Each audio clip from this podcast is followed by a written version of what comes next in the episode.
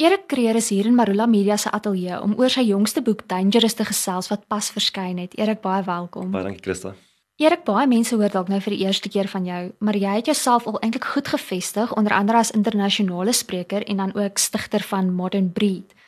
Vertel ons kortliks meer oor jouself en waarin jy spesialiseer. Ja, baie dankie. So ek het twee dele in my lewe. Die een is skrywer en spreker en ek het al die voorreg gehad om reg oor die wêreld te praat met uh leiers met spanne met organisasies rondom topics soos hoe brei mens mense voor vir hierdie baie komplekse wêreld wat die heeltyd verander.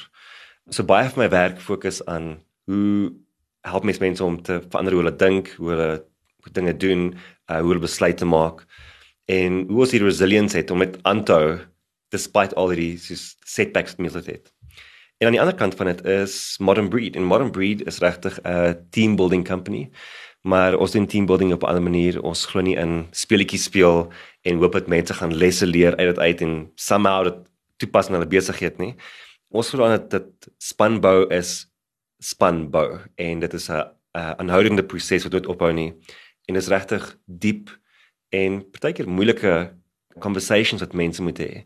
So ons help hulle om 'n team operating system te bou dat hulle weet hoe om saam te werk as 'n span. En dit is basically modern breed. So Dangerous is die vierde boek uit jou pen. Jou vorige boek het nogal gefokus op die aanpassing van nuwe werkomgewings en ander leierskap aspekte van leierskap eerder. Waarom wou jy graag 'n boek skryf wat meer op die individu fokus? Wat snaaks is is dat die boek is actually gebore uit 'n coaching session met 'n CEO van 'n besigheid met omtrent 500 600 mense het wat daar werk. En ek daar sê ek meen al die werk wat ons gedoen het was rondom hoe help ons om om 'n beter leier te wees? Maar op 'n of ander dag as mens dit net soos boil down to basics. Jy kan net 'n goeie leier wees as jy werk aan jou persoonlike verbetering. En ek dink dit is maar waar die boek val is dat dit geen nie om wie jy is en wat jy doen nie of jy nou 'n uh, CEO is of jy's 'n nurse of jy's 'n uh, onderwyseres ongeag van wat jy doen dit begin als by jou en hoe jy dink hoe jy voel en wat jy doen. En so ek dink wat ek graag wou gedoen het is ek wou dit so 'n broad appeal as moontlik gegee het dat mense kan verstaan dat die metodologie van die boek kan in verskillende kontekste toegepas word. So dis maar waar ek moet geval het. Ek dink beslis jou boek sal baie wye gehoor aanklank vind want jou skryfstyl is toeganklik en dis nie 'n hoogdrawende Engels met baie besigheidsterme in die boek nie. Was dit ook van die begin af jou plan om dit so te skryf dat baie mense hier by se aanklank vind? Ja, ek sê jy bly vra dit want toe ek die boek begin skryf het was my inspiration vir dit gewees Seth Godin se boek The Dip. En dis 'n baie klein boek. Jy kan letterlik dit sit en lees in 'n uur of 2 en ek het besluit dis presies wat ek wil doen met hierdie boek. Dat mense moet kan optel, hulle moet dit lees vir 2 ure, ingetrek word in dit in lees vir 2 ure en dan iets gaan doen met die boek. Ek dink te veel boeke het te veel bladsye. Daar's net daar's te veel inligting. Mense soek content fillers om die boek groter te maak. En ek dink die punt van 'n boek ultimately is dat mense moet so vinnig as moontlik die knowledge kan convert in action in. En ek het maar groot geword oor die afgelope paar jaar in die content world en in daai wêreld moet jy actually so basies as moontlik skryf. Soos mense wil nie sukkel om 'n woord te verstaan nie. Hulle wil net dit kan lees en dit dit absorb. So ek probeer maar altyd so skryf. Kom ons praat vinnig verder oor die inhoud van die boek. Sal jy asseblief uitbrei oor die konsep van dangerous oftewel om gevaarlik te wees ja. of te leef? Wat beteken dit in die praktiese sin van die woord? So in 'n nutshell waar die boek gaan is dat alsof vir mens lief is en alsof vir mens omgee word bedreig op 'n of ander manier. Alles is in gevaar. Jou besigheid, jou gesondheid, jou verhoudinge enigiets wat jy kan aandink is actually op 'n of ander manier in gevaar. En as mens dit besef en as mens dit aanvaar, jy kan naïef wees en jy kan besluit weet dit bestaan nie, daar is nie bedreigings nie, but obviously 'n groot fout is. Maar as jy dit aanvaar dat yes, alles word gethreaten op 'n of ander manier, dan is die vraag wel wat gaan jy rondom dit doen? En daar's regtig twee opsies. Die een is dat jy gaan skadeloos wees. Betekende jy gaan nie hê wat dit nodig is om om die threat te overcome nie. Jy gaan nie die bedreiging kan hanteer nie want jy miskien nie die skill nie, het miskien nie die regte manier van dink oor dit nie. En dan as gevolg van dit eindig jy op in hierdie plek wat ons noem survival mode. En ons almal weet hoe dit voel. Ons almal was al daar gewees. Ek weet as ek vir myself praat gedurende die afgelope 2 jaar was ek in 'n ideale tyd uit survival mode uit gewees. En dis nie 'n lekker plek om te wees nie. Maar as jy nie 'n threat vir jou threat is nie, is dit waar jy eindig.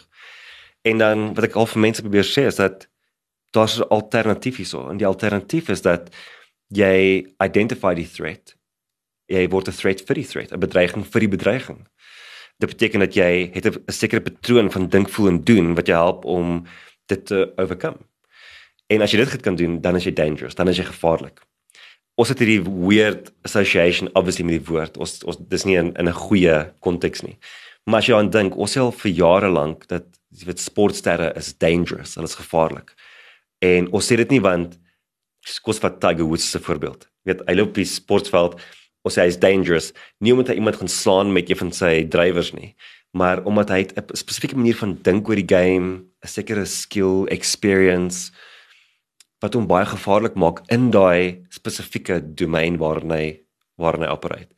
En so ek dink tog daar's 'n ons het 'n manier van oor dit praat wat 'n goeie manier is en dis al wat ek in die boek probeer by mense land. Ons het vroeër ook gesels oor die boek wat nou pas verskyn het, dis omtrent so so 2 weke. Het jy al terugvoer van mense gekry as of vrae wat hulle het wanneer hulle klaar die boek gelees het of hoe is jou ervaring? Ja, ek dink baie mense val partykeer vas by die woord dangerous. En as jy eers die boek lees, sal jy die konteks goed verstaan en ek het nou al vir die afgelope 2, 3 jaar het ek op 'n lang journey gegaan met hierdie woord om dit vir myself te unpack en om dit beter te verstaan. So ek weet ek kom van 'n plek waar hierdie is nou al vir my 'n tweede taal wat ek gebruik. Maar ek dink wat baie mense mee sukkel is as ek dan gevaarlik is, beteken ek nie 'n nice mens nie. En dit is glad nie waar dit neerkom nie. Soos ek sê altyd dat ek is 'n executive coach, 'n speaker, 'n author. Ek's nie 'n ex recce of uh, military soos oh nee, ek is hier om weer te sê wie is 'n threat vir die ding wat jy moet oorkom met skill, wit en intellect. Ek is nie om te sê gaan leer hoe om met 'n mes te fight en en al daai dinge nie. So jy kan dangerous wees en nog steeds 'n goeie mens wees, verseker. Dit het actually niks te doen met morality of your attitude to ander mense nie. Dit gaan 100% net oor kan jy die dinge identifiseer in jou lewe wat dalk in die pad mag kom van jou wat sukses bereik en whatever vir jou belangrik is en kan jy dit oorkom? Erik, die laaste vraag wat ek vir jou het is waar kan mense jou op sosiale media volg en waar is jou boek beskikbaar? So die beste plek om my te volg is Instagram en LinkedIn. Ek is Erik Creer op al twee. En die boek is beskikbaar by al die goeie boekstores, Exclusive Books, um, is ook by Takealot en by Loot.